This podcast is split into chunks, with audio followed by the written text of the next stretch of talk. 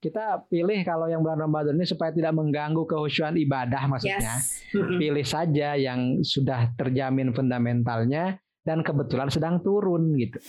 Orang boleh uh, apa bersikukuh dengan fundamental, boleh merasa fanatik dengan teknikal. Tapi keduanya berdamai di money management. Orang Iya, itu iya, iya, iya. iya. inginnya bagus dan naik kan. Padahal bagi saya itu dua hal yang berbeda gitu. Saham bagus itu fundamentalnya bagus, Iya, belum iya. tentu naik. Saham naik, harganya naik, belum tentu fundamentalnya bagus. Yang ideal itu fundamentalnya bagus dan harganya lagi naik.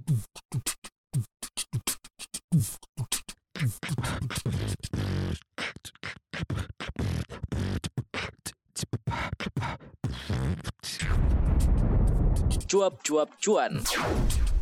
Halo Sobat Cuan, selamat datang di podcast Cuap-Cuap Cuan di segmen interview spesial bulan Ramadan. Kita mau kasih banyak sekali edukasi buat Sobat Cuan sembari menemani waktu berbuka puasa. Sobat Cuan mungkin bisa melihat dan melirik atau mulai lagi eh, mencari kira-kira saham-saham mana yang cocok buat portofolio. Tapi kali ini kita kerucutkan, kita jadikan eh, lebih kecil ya, yaitu di indeks saham syariah atau saham-saham berbasis syariah. Karakteristiknya gimana sih? Kemudian cocoknya untuk karakter dengan eh, profil resiko seperti apa? Kemudian apa sih yang harus kita kenal? Apakah saham-saham syariah juga selalu membawa berkah di bulan Ramadan? Kita langsung aja ngobrol bersama dengan Mang Amshi di sini founder Syariah Saham. Hai Mang Amshi. Ah, Kak Maria ya. Kak Maria, sehat Mang? Alhamdulillah baik. Gimana sehat-sehat Kak Maria? Sehat, sehat, sehat. Alhamdulillah sehat. Puasa lancar ya Mang ya? Alhamdulillah. Oke, tapi kalau eh, saham tetap dicek, recheck kan ya tiap hari atau gimana nih? Saya kan kebetulan tipikal yang tidak pantau tiap hari ya. Mhm, Kalau mhm, mungkin teman-teman yang trader harian ya setiap hari dipantau. mhm. Kalau saya sih lihat-lihat aja kalau ada yang bagus baru lihat. Kalau ya enggak ya karena kan saya semi investor mungkin ya. Mhm, Jadi enggak, mhm. enggak setiap hari harus liatin pasar running trade. Jadi lebih tenang. Apalagi lagi puasa kan lebih baik mengerjakan hal lain ya seperti itu. Betul. Atau mungkin karena karakter saham yang dipilih sama Amshi ini memang saham-saham yang nggak perlu dikhawatirkan gitu ya tiap hari. Dan karakteristik saham syariah apa memang begitu, Mang? Iya, karena Kamaria kita akui kalau saham syariah ini mungkin tanda kutip nggak terlalu menarik ya buat para scalper atau trader harian. Karena saham-saham syariah yang memang bagus itu cenderung pergerakannya biasa saja, tidak fluktuatif, tidak apa namanya, tidak cepat naik, cepat turun gitu. Jadi santai saja. Karena basicnya memang lebih banyak yang saham-saham syariah, terutama yang kapitalisasinya besar, Mhm. itu fundamentalnya sudah bagus. Jadi mungkin ya eh, tidak setiap hari harus kita pantau. Kalau saya Mhm. bahkan kalau saham-saham yang fundamentalnya bagus ya paling sering ya paling sering itu tiga bulan sekali saja lihat laporan keuangan gitu. Karena kan Hmm. eh, kinerjanya Ya, ya, dilihat ya. dari situ ya. Kecuali kalau yang memang teman-teman yang suka dengan one day trade itu beda cerita gitu. Kalau saya kan kebetulan karena lebih ke semi investor jadi santai saja begitu. Eh, biasanya nih karena semi investor, eh, kapan sih waktu seorang Mang Amsi sebelum kita ngobrol ke Sobat Cuan ya, eh, realisasi keuntungan? Karena kan kalau saham syariah cocok banget untuk jangka panjang ya. Tapi kan jangka panjang biasanya kita juga tentu ini time frame waktunya. Nah, kalau Mang Amsi sendiri gimana? Kalau saya sih lebih memiliki acuan untuk cuan. Nah, itu sudah. Nah, eh cakep banget ya acuan untuk cuan. Acuan untuk cuan. Karena gini, Kak. Orang biasanya oh saham itu buat jangka panjang, Mang gitu. Tapi saking jangka panjangnya pas jual lagi turun. Mhm, Kenapa? Karena memang mungkin tidak memperhatikan juga pergerakannya, kinerjanya gitu. Nah, kita tetap harus mantau, saya paling tidak tadi tiga bulan sekali, karena dari tiga bulan itu akan terefleksikan, misalnya laporan keuangannya seperti ini, eh, respon pasar seperti apa. mhm. Nah, makanya acuan untuk cuan ini penting. Misalnya ya, itu ini ini bisa beda-beda tiap orang. Ada Ya. yang acuan untuk cuan itu misalnya dua kali deposito, misalnya ya sudah Oke. 10% kita ambil untung gitu. Mhm. Ada juga yang memakai rumus lain, misalnya pakai standar deviasi. Wah, ini agak rumit sih. Tapi misalnya kalau sudah eh, indeksnya tiga kali di atas standar deviasi yang biasa, Mhm. baru realisasi keuntungan. Kenapa? Mhm. Karena kita, eh, saham itu kan ibarat menanam ya, menanam buah, menanam bunga gitu.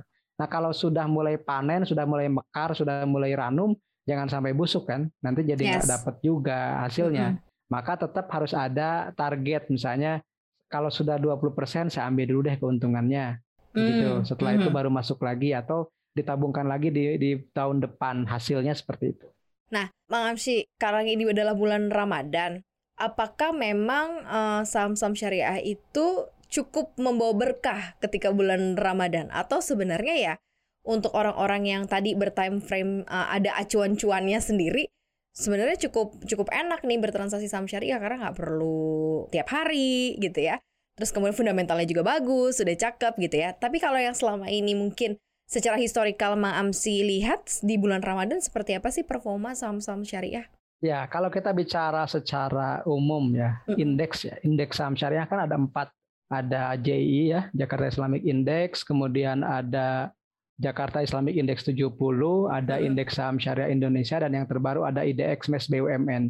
Nah, kalau kita kaji secara indeks, mungkin teman-teman harus pelajari secara historis apakah di bulan Ramadan itu ada imbas yang positif atau tidak. Mm Tapi kalau kita bicara secara individual saham-saham tertentu, misalnya ada memang beberapa sektor atau industri yang diuntungkan dengan adanya bulan Ramadan dan Lebaran. Salah satunya misalnya uh, saham retail kalau di masa sebelum pandemi. Ya. Kenapa? Karena kalau di masa sebelum pandemi biasanya saham-saham retail itu seperti misalnya saya sebut ya uh, yang punya Ramayana, Matahari mm -hmm. Department Store mm -hmm. itu diuntungkan karena orang cenderung belanja baju baru kan ketika Lebaran.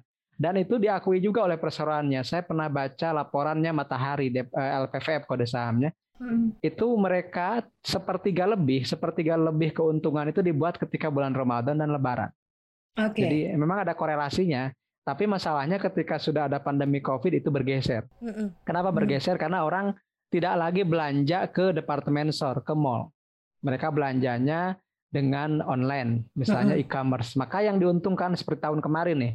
Tahun yeah. kemarin saham-saham yang punya intensitas eh, banyak atau punya komitmen dengan e-commerce itu yang diuntungkan. Itu mm. yang diuntungkan. Termasuk ke kurir, saham-saham kurir juga. Kenapa? Karena orang berubah cara belanja dari yang asalnya ke mall menjadi lewat kurir online. Yeah. Online. Nah itu juga perlu diperhatikan perubahan-perubahan uh, disrupsi-disrupsi seperti itu juga sangat berimbas. Nah kemudian misalnya ada lagi saham-saham sektor poultry atau ayam-ayaman. Orang bilang ayam-ayam gitu. Yeah. Kenapa? Karena konsumsi terbesar masyarakat Muslim ketika Lebaran itu ya ayam. Bahkan Lebaran pun yang khasnya kan ketupat dan opor ayam, ayam. Gak ada opor betul. sapi gitu, gak ada opor domba ya adanya opor ayam itu juga akhirnya meskipun tidak mungkin tidak langsung imbasnya ya, tapi itu menjadi uh, trigger atau uh, apa namanya stimulus ya untuk kenaikan saham-saham uh, poultry dan kita bisa lihat di minggu-minggu ini juga saya kaget gitu karena saham salah satu saham kita juga yang ada di ayam itu naik juga ternyata gitu. Nah, itu juga ada semacam sentimen seperti itu kak uh, dari sisi sektoral ya dari sisi sektornya seperti itu dari sisi indeksnya harus ditelaah lebih jauh karena uh, diakui atau tidak pengerek dari indeks saham syariah itu adalah berbasis consumer goods makanan Betul. minuman. Ya. Karena kalau yang indeks konvensional itu pengereknya adalah perbankan dan rokok. Mm -mm. Yang mm -hmm. dua itu tidak ada di uh, saham syariah. -hmm. Jadi artinya kalau teman-teman mau memilih saham syariah dengan harapan ada berkah dari bulan Ramadan, maka pengereknya pasti saham-saham consumer goods dan saham-saham uh, satu lagi apa telekomunikasi. Mm -hmm. Seperti itu. Mm -hmm. Karena itu yang paling besar kapitalisasinya di uh, indeks saham syariah. Mungkin itu. Consumer good dan juga telekomunikasi ya. Yeah. Ketahuan lah ya nih main yang pemain-pemain gede yang mana ya. Nah, udah ketebak lah. Tapi Tanpa nyebut nama udah kebayang kan. Sobat cuan pasti udah wah pasti nih Mang Amsi nih pasti ada nih. Ah, iya, iya, iya, iya. Tapi kalau misalnya eh, patokannya Mang Amsi sendiri kan ada beberapa yang memang kaum fundamentalis melihat beberapa prasyarat lah ya untuk bisa masuk ke atau untuk bisa uh, ngebit saham saham tertentu ya. Kalau saham syariah sama nggak sih? Kita based on price earning juga, uh, price to book value juga gitu ya. Apa ada patokan lain nih misalnya uh, dari tren harga atau apa? Karena kalau teknologi uh, startup gitu kan agak susah nih dihitungnya ya. Kalau misalnya Mang Amsi biasanya menggunakan teknik apa dalam memilih prospek panjang yang sangat bisa mungkin mendatangkan cuan lebih nih untuk saham-saham berbasis syariah, Mang? Oke, kalau saya sih melihat tetap ya, Kak. Jadi teman eh, sobat cuan semuanya kalau mau cari saham kalau kita di syariah saham itu ada namanya fatama tekniknya mm-hmm. Fatama itu singkatan sebenarnya fundamental analysis, technical analysis, money management. Okay. Singkatnya Fatama. Kalau dalam bahasa Arab Fatama itu artinya lengkap, komplit gitu ya. Mm-hmm. Kenapa? Karena kita tidak bisa uh, menafikan salah satu analisis gitu dan uh, mengunggulkan satu analisis. Mm-hmm. Ketiga-tiganya harus berjalan bersamaan. Misalnya gini, uh, saya mau beli saham bang, oke saham syariah ya, oke, mm. maka dicek dulu fundamentalnya, bagus gak? Karena fundamental ini yang pada akhirnya akan merefleksikan kinerja dari perusahaan tersebut. Gitu. Mm-hmm. Nah, setelah kita tahu semua orang sepakat kalau misalnya Telkom fundamentalnya bagus, yeah. sudah muncul fundamentalnya bagus, gitu. Karena apa? Karena tercermin dari kinerjanya. Tapi berikutnya adalah timingnya pas nggak kalau beli sekarang? Itu teknikal. Kenapa? Karena ada ada kaidah history repeat itself. Mm-hmm. Harga atau sejarah pergerakan harga itu biasanya terulang gitu.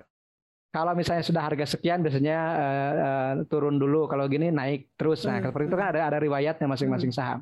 Nah, di situ dipelajari teknikal. Jadi kalau saya uh, menyebutkannya begini, fundamental itu what to buy, apa yang bisa dibeli. Kalau okay. teknikal when to buy, kapan sih dibelinya. Hmm. Satu lagi money management, how much, berapa bisa kita beli.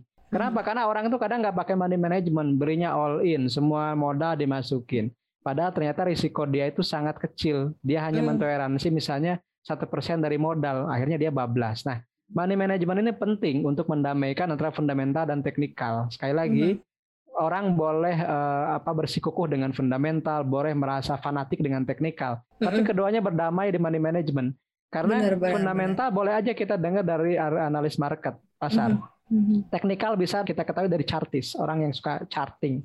Mm-hmm. Ketika kita beli, itu gak ada hubungannya dengan analisis mereka. Tapi ketika kita beli, hubungannya dengan uang kita, modal kita. Maka money hmm. management itu lebih penting ketimbang fundamental dan teknikal tadi. Fundamental teknikal hanya pintu masuk. Masuknya tetap pakai money management. Di situlah kita hmm. menentukan uh, per bulannya siap rugi berapa, nanti ngambil misalnya untung di berapa, ruginya siap berapa itu. Semua hmm. kita pelajari ya untuk supaya bertahan di pasar modal gitu kak. Nah, Contohnya gimana nih biar ketemu di money management? Artinya okay. harus dengan fundamental saham yang kayak gimana sih? Teknikal hmm. yang kayak gimana sih? Khususnya yang berbasis syariah ya karena bulan okay. Ramadan kan emang ya. Siap, siap. Ketemu deh dengan duit kita nih yang bakal hmm. kita belanjain nih, Mam sih. Oke, okay, saya berikan contoh simpel ya Kak Maria. Mm -hmm. Saya berikan contohnya sahamnya yang lagi ramai dibahas nih, Sido muncul misalnya. Mm -hmm. uh, karena itu juga saya bahas di IG saya di mm -hmm. Instagram. Sido ini harganya sekarang 950 misalnya. Iya. Nah, 950. Kemudian kita punya kesimpulan Sido ini kalau tembus 1050 kayaknya naik deh misalnya gitu ya. Mm -mm. Atau tembus 1000 deh yang dekat. Kayaknya kalau tembus 1000 itu kemungkinan naik deh. Kenapa? Karena sudah keluar dari zona merahnya, zona uh, zona uh, downtrendnya misalnya seperti mm -hmm. itu ya kita ambil. Berarti kita sudah uh, ini money management bicaranya. Berarti kita akan rencana beli di 1000. Mm -mm. Nah, kemudian biasanya Sido ini tahannya di bawah itu 900 support okay. lah kita istilahkan di teknikal istilahnya support. Fundamental kita kita udah lewati kenapa? Fundamental kita udah yakin ini saham bertumbuh selesai. Kemudian eh, dan syariah misalnya. Kemudian masuk ke teknikal ini lagi downtrend. Dan kita mau mengambil posisi ketika mau naik berarti ketika harus tembus resistensinya resistennya. Misalnya seribu tadi. Nah setelah itu kita udah menentukan nih titik beli seribu siap rugi 900 berarti rentangnya berapa kak seribu kurangi 900. Iya, 100. 100, 100 iya. rupiah. Nah, 100 inilah risiko kita. Kita jangan dulu bilang untung ya. Kenapa? Karena kalau bagi saya saham itu memanage risiko. Kalau untung semua orang sepakat mau kok. Gak ada yang gak ada yang nggak sepakat dengan uh, profit. Tapi kalau rugi pada rata-rata orang kalau rugi itu pada nggak mau nerima. Nah, kita mulai dari sesuatu yang kurang diterima oleh orang itu rugi. Nah, kita ya. siap rugi 100 rupiah. Kemudian hmm. kita punya modal berapa? Katakanlah 10 juta total modal saham kita 10 juta kita hmm. anggap retail lah uh, apa investor pemula 10 juta nah 10 juta itu siap rugi dari Sido berapa jadi tanya dulu oh saya mau beli berapa saham mau beli katakanlah 5 saham dan satu sahamnya saya tidak boleh lebih dari 200 ribu ruginya oke berarti yeah. ruginya 200 ribu 200 ribu dibagi 100 rupiah tadi rentang rugi mm -hmm. dibagi 100 karena satu lot itu 100 lembar kan kak sekarang. Mm -hmm. yeah. Jadi 200 ribu dibagi 100 dibagi 100 berapa?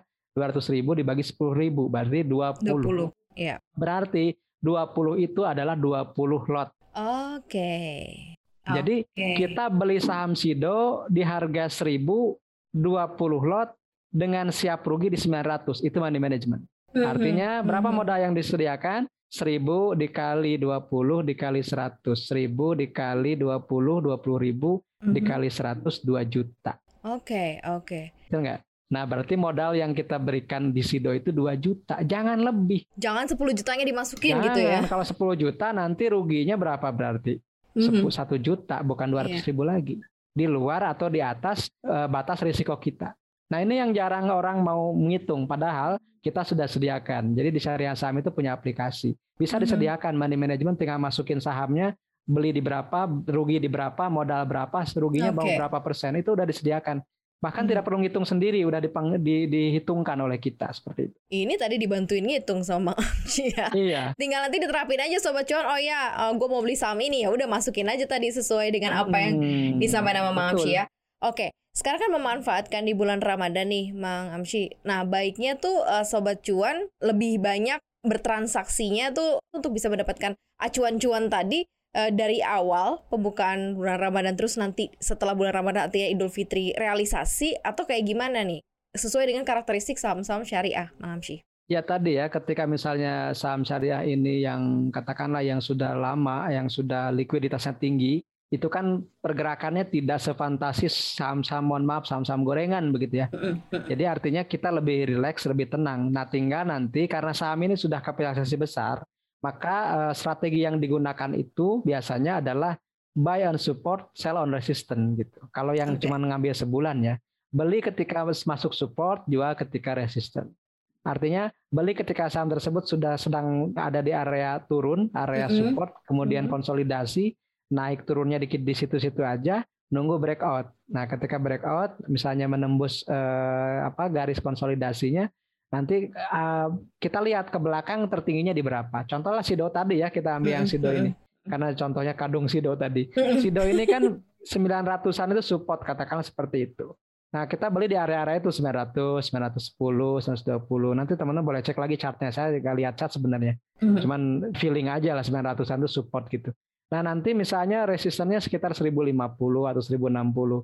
Jadi area itu aja kan dari 900 ke 1060 160 dibagi 9 berapa itu hampir 15 16 persenan yeah. dalam satu bulan misalnya kalau itu kejadian kan lumayan kita dapat uh, cuan 15 sampai 16 persen itu dari saham Sido karena kalau saham-saham yang sudah besar saham-saham yang uh, pendapatannya sudah triliunan pergerakannya tidak terlalu fantastis gitu kak tidak mm-hmm. bisa mm-hmm. sebulan bisa ratusan persen enggak gitu ya tapi kalau saham-saham baru IPO, saham-saham baru kapitalisasinya miliar, ratusan mm -hmm. miliar, itu hmm. kemungkinan naiknya memang fluktuatif gitu. Tapi risikonya pun besar gitu. Risikonya okay. pun besar. Kita pilih kalau yang bulan Ramadan ini supaya tidak mengganggu kehusuan ibadah maksudnya. Yes. Pilih saja yang sudah terjamin fundamentalnya dan kebetulan sedang turun gitu.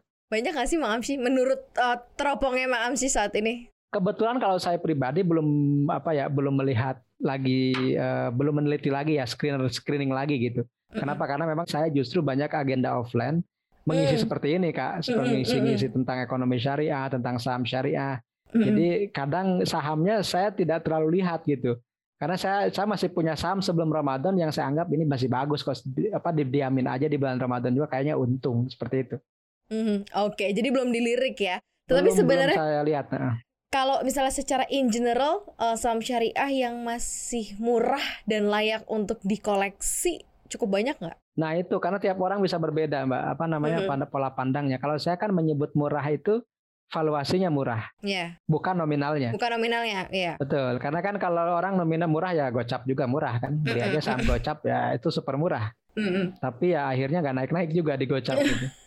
Tapi kalau saya lihatnya valuasi misalnya eh, nilai bukunya sepuluh ribu gitu ya, harga sekarang lima ribu kan itu ada diskon tuh. Mm-mm. Setidaknya kita beli pun itu di di batas aman secara fundamental apalagi sahamnya lagi turun. Misalnya itu kan secara fundamental ada di margin of safety namanya atau bata ambang batas aman investasi. Di secara teknikal pun dia lagi disupport. Jadi kalau dua-duanya sedang disupport baik fundamental maupun teknikal menurut saya itu adalah peluang untuk beli misalnya ya kalau orang sih kemarin bilang misalnya Indofood ya tapi teman-teman okay. boleh cek lagi tapi bukan ICBP-nya INDF-nya uh-uh. INDF-nya boleh dicek misalnya itu uh, secara valuasi masih masih untuk saham-saham consumer goods masih murah. Tapi kan orang beda-beda juga uh, apa uh, pilihannya ya, pilihannya hmm. seperti itu. Atau mungkin saham lain misalnya ada saham poultry-nya misalnya Java, Java Confit. Ya. Nah, tapi sekarang sudah mulai naik sebenarnya karena sudah mulai Ramadan biasanya sudah mulai naik ya. Tapi teman-teman boleh cek lagi teknikalnya karena terus terang saya kalau nggak sambil charting saya nggak bisa nyebutin resistance supportnya takut salah mbak. Nanti oh ini masih serampangan kan gitu ya.